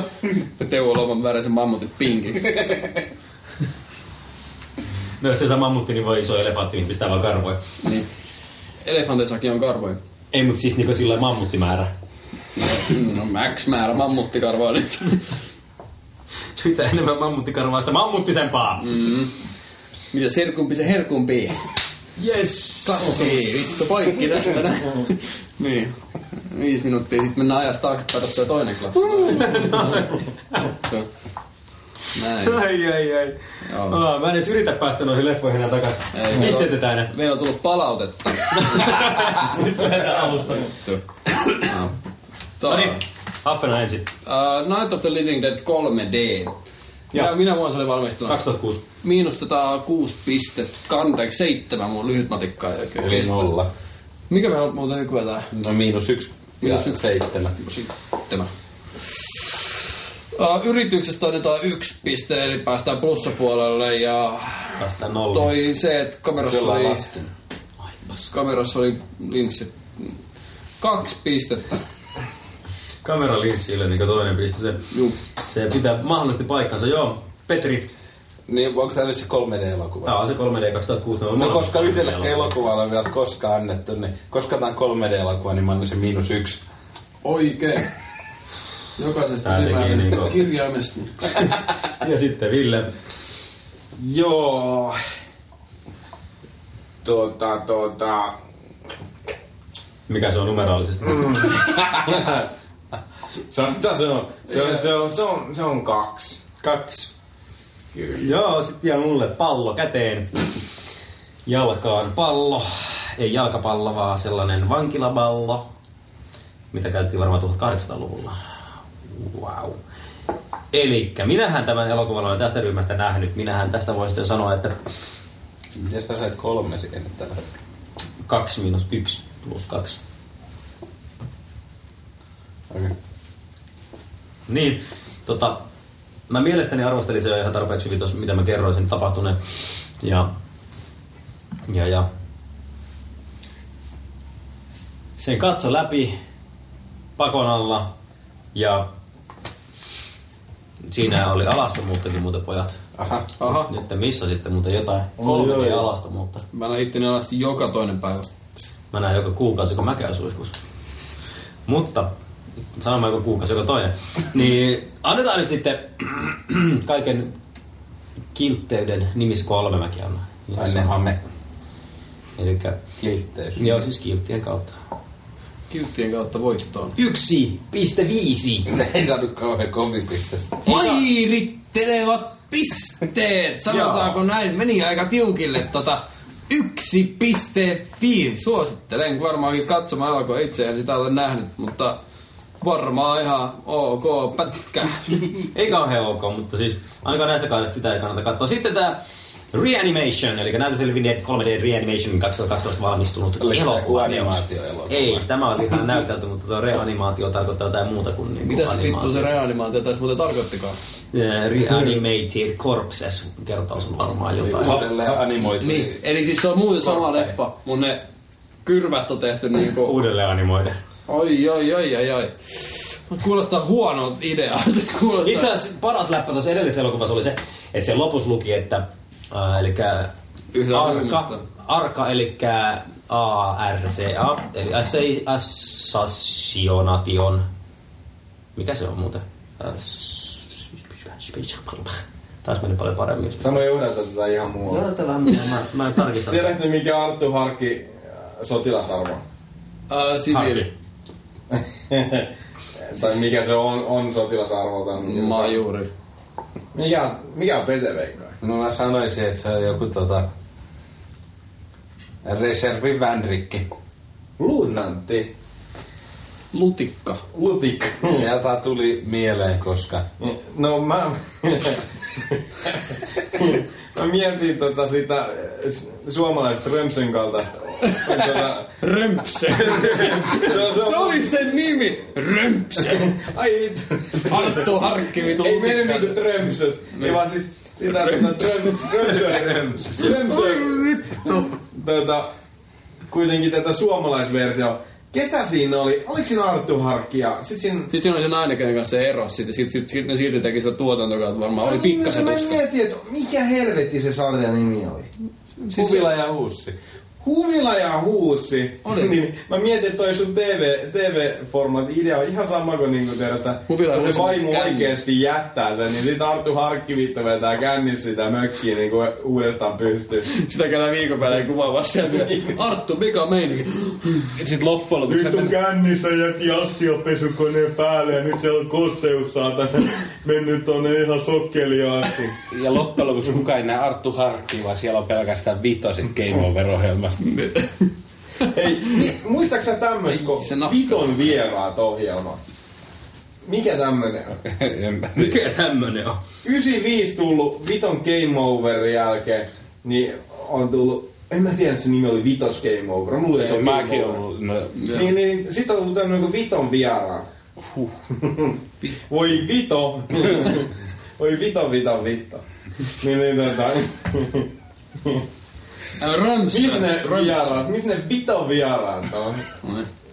Vito, siellä jätti, että se vitto vinas sinne. Eli... tää on ihan vito hyvä podcasti. Joo. No, tää on. Vittolainen. Nyt taas kuulija, ku, kuulijoit vitottaa. Antaa No, se, mitä vittua me kuulemme. Että se on vittu mitään. Mä lähden, mä lähden vittua vastaan siitä. En löytänyt, antaa olla. Mutta siis joka tapauksessa, mitä mä olin sanomassa, niin siinä oli tämmöinen niin liitto tehty zombeille ja sen lopputekstissä lukee, että yhtään zombia ei satutettu elokuvan teon yhteydessä. Oi Se oli vittu. parasta tuossa koko elokuvassa. Lopputekstit oli parasta tuossa elokuvassa. Niin kuin Ai. se toisessakin elokuvassa. Kannatti, kannatti katsoa loppuun siis. Siis ehdottomasti. Niin, äh, eli tästä ideasta miinustan kolme pistettä pois. 2012 vuoden mallissa mennä. Ja äh, siis tää on niinku yht paska idea, kun niinku Titanic 3D.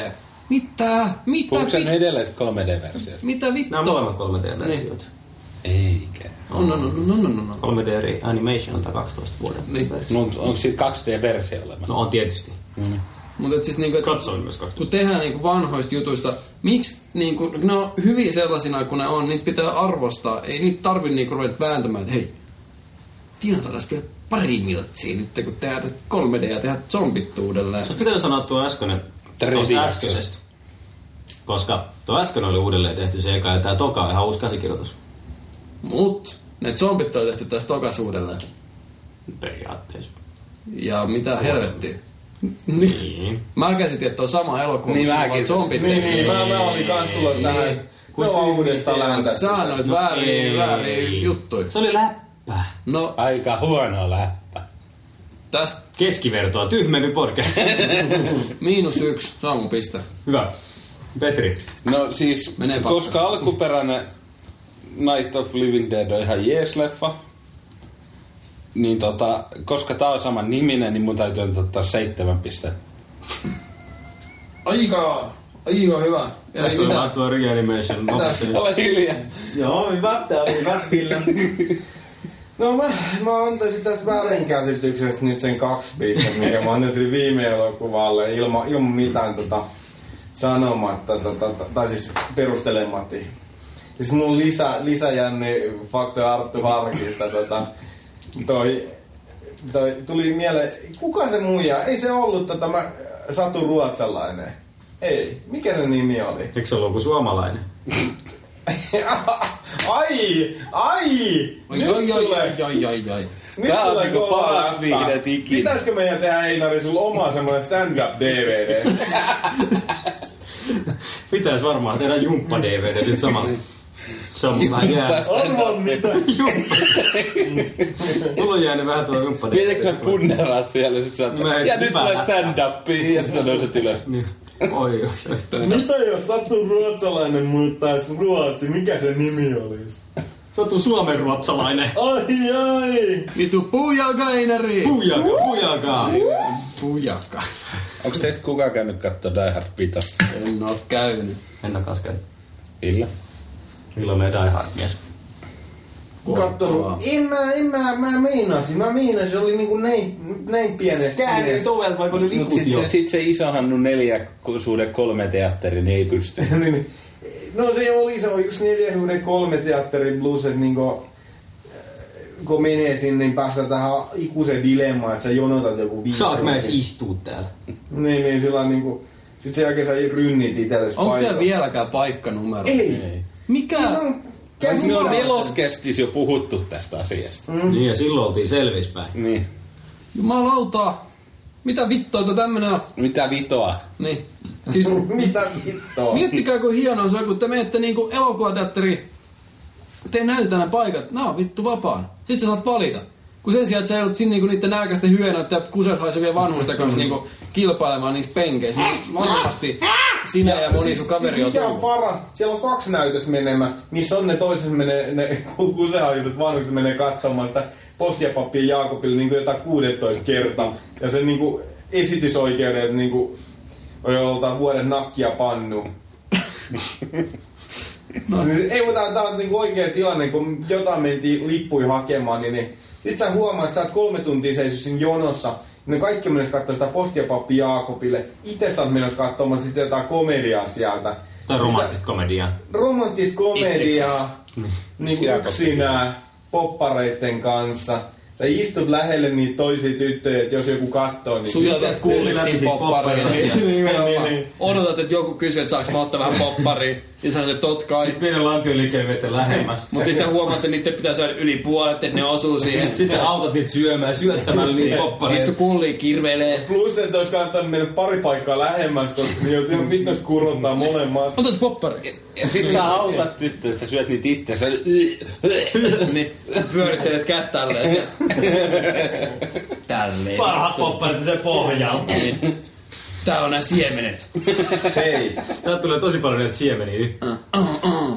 Kaataa sun naamua. Ai, ai, ai, ai. Annoitko sä Einarille En antanut pisteitä? neljä pistettä. No niin, Hyvät perustelut. Kiitti. Tää saa ihan vittu pistää.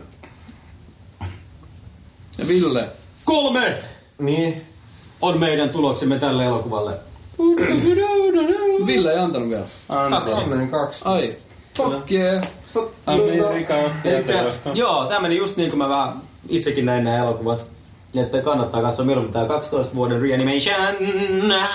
Onko sä tiennyt Arttu Harkista tämmöistä juttua? En oo muuten Et tiennyt. 2005 vuonna Arttu Harkki teki maailmanennätyksen sähköpostien kirjoittamisen mobiililaitteilla. Eikö se, eikö se ollut myös jossain, niin kuin, siis, tota, äh, siis jossain ennätys, Kinesin ennätystä kirjoitus, niin se oli kilpailemassa siitä, tota, että et kuka pystyy kirjoittamaan niin kuin, äh, tekstiviestiä sille ei pikakirjoituksella, vaan sillä tavallisella niin kuin, eniten niin kuin merkkejä minuutissa.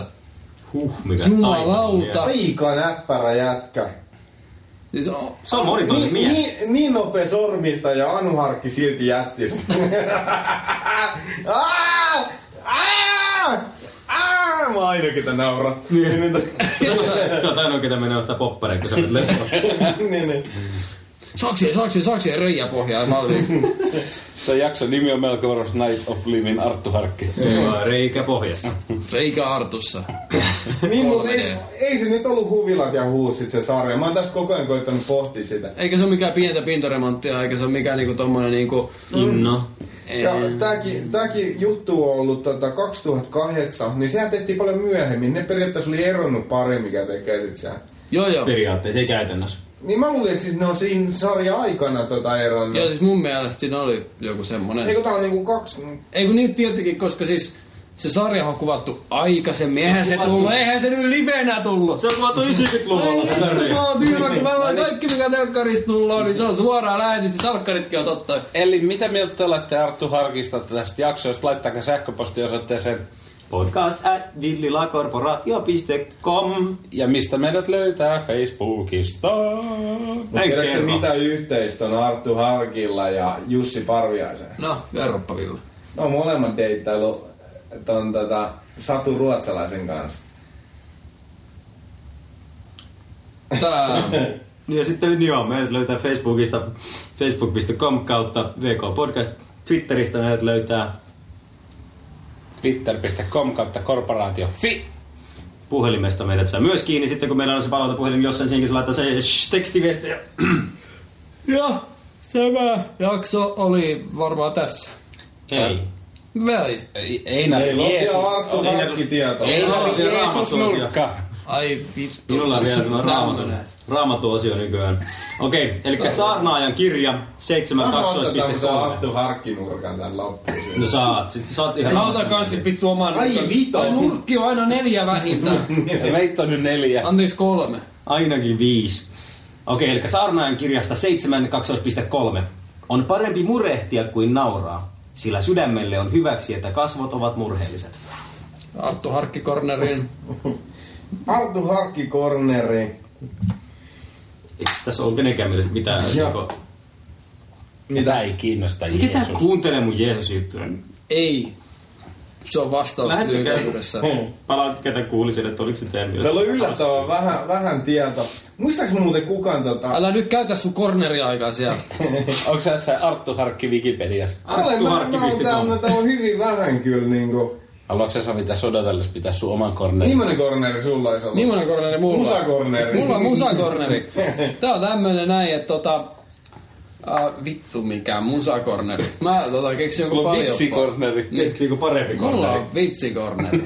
Voi vitsi! Vittolainen, kun mulla tot, Vitolainen. Mä, mä, mä oon ainut, kenellä ei ole tommoista tablettia, jota voi käydä sieltä No kurkkimassa ja Munkin jota esittää, leinari autossa. esittää olevansa fiksu mukamas silleen, niin kuin, että käytte katsomassa sieltä niin kuin parhaat blondivitsit, tää ei Niin. toimikaan ääneltä. Ja Arttu harkisti. Ja... Niin. Joko sulla on Ville se sun korneri? Vai pitääkö me Petri kanssa olet lätisemään? Kyllä tässä mulla on sit niinku toisiamme oma korneri tässä. No jos heit sä kaikki- sun Sulla on- korneri. mistä No heit oma sä korneri? korneri Mun, tässä mun välissä. korneri on tämmönen niinku mietelause korneri. Mieslause korneri. CD on, missä mun Hanna Montana on. Huh, ajankohtaista läppää. Ei tainnut tulla Hanna Montana peli tänään kuule postissa. Ei tullu, ei. Niin. Joo. Ei ollut, mutta CD-llä se peli johtuu siitä. Eikä. On varmaan luureilla. Okei, okay, hei, tuo, tuo, Sam, tuo Samin seksivitsi korneri. Yes. Hanna No, paukkuu. Opettaja näytti biologian tunnilla peniksen kuvaa kysyen, mikä se on. Kalle vastasi. Voi vittu. mikä se sanoi? Kalle vastasi, että isillä on noita kaksi. Pieni ala se pissaa ja suurempi ala se pesee äidin hampaan. Woo! Woo! Järkyttävää paskaa. Tää on kyllä tämän vuoden paras podcast. Se on helposti. No niin, Arttu Harkkikorneli. Me odotetaan. No, täällä, on- täällä on oikeastaan tämmönen niinku tota... Jätä Mitäs- ensi jaksonkin jotain. Mä, mä, mut tää, tää on aika tuore Tää ei ole meidän uutinen, viimeinen jakso, ei kuitenkaan. Niin, niin. Ja kato, kaikki paukkuja heittää niinku heti pesää. Tota- Tiedättekö te? Kaikki paukut pesää. On vaan box, box, box. Tota, tää, tää on tää tuore uutinen tosiaan 18. kesäkuuta 2012, niin Arttu Harkimo, tota, Harkimo. an, anteeksi Harkki, Arttu Harkki pelasti, pelasti hätäkärsivän Lokin, Lokin tota, ja Ilta, Iltalehti uutisoi, jotenka niinku, Arttu Harkki on myös tämmönen niinku eläinten ystävä. Arttu Harkki, sinä olet perin Eli pohjimyys- tätä me odotettiin aivan saatana kauan. Tätä No onko teillä jotain viimeisiä mietelauseita nyt, kun päästiin näistä kaikesta? Kaikista kornereista. Korneri. Miettikää, otetaan tähän nyt tämmönen vielä. Tämmönen yhteinen Niin. miettimishetki. Muistatteko Suomi-popilta osa, kun Jaajo lähti, niin, niin Se tuli takas. Se tuli takaskin. Ai, se oli siinä. Hyvä. Ei Eteenpäin. vaan Kiitos, tota, se Ville. juttu, mikä tähän kato vielä Arttu Harkis, niin, niin tota, Joel Harkkimoinen. ää, äh, siellä oli Raakel, Raakel, tota, Raakela. Liekki ja sitten oli Arttu Harkki ja tota, Toinen niistä oli mä en Vito. tiedä, miettiks kukaan koskaan tätä, mut niinku, muistaaks te, kun oli muun TVllä, oli tää, mikäs tää oli tää pornoa käsittelevä ohjelma? Game over, Vitos, game over. E- Ei vaan oli Ei, tää kun tää- pano, pano tota koulu. Tämä Joo, on vielä joo. ihan vitosta tää sun juttu. No en mä mieti. Mä ajattelin, että niillä olisi voinut... No en mä sano mitään.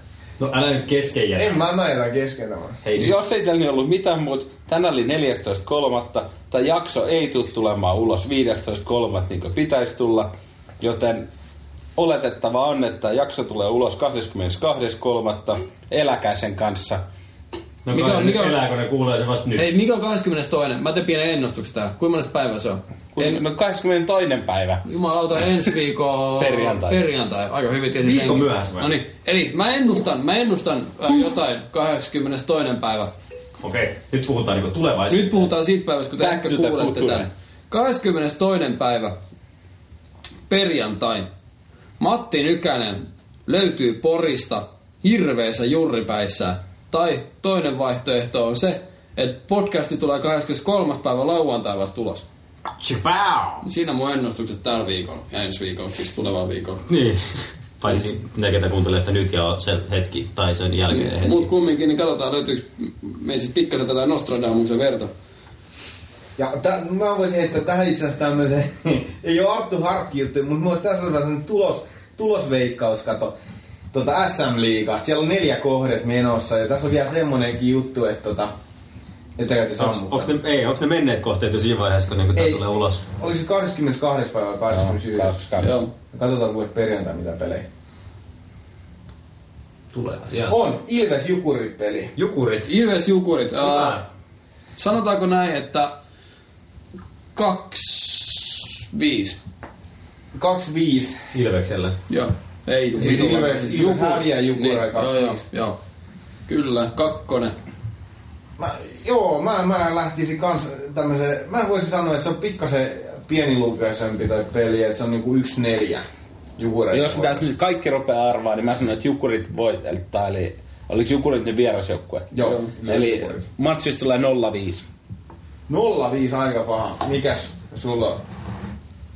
En minä veikkaa. Einari ei veikkaa. synti.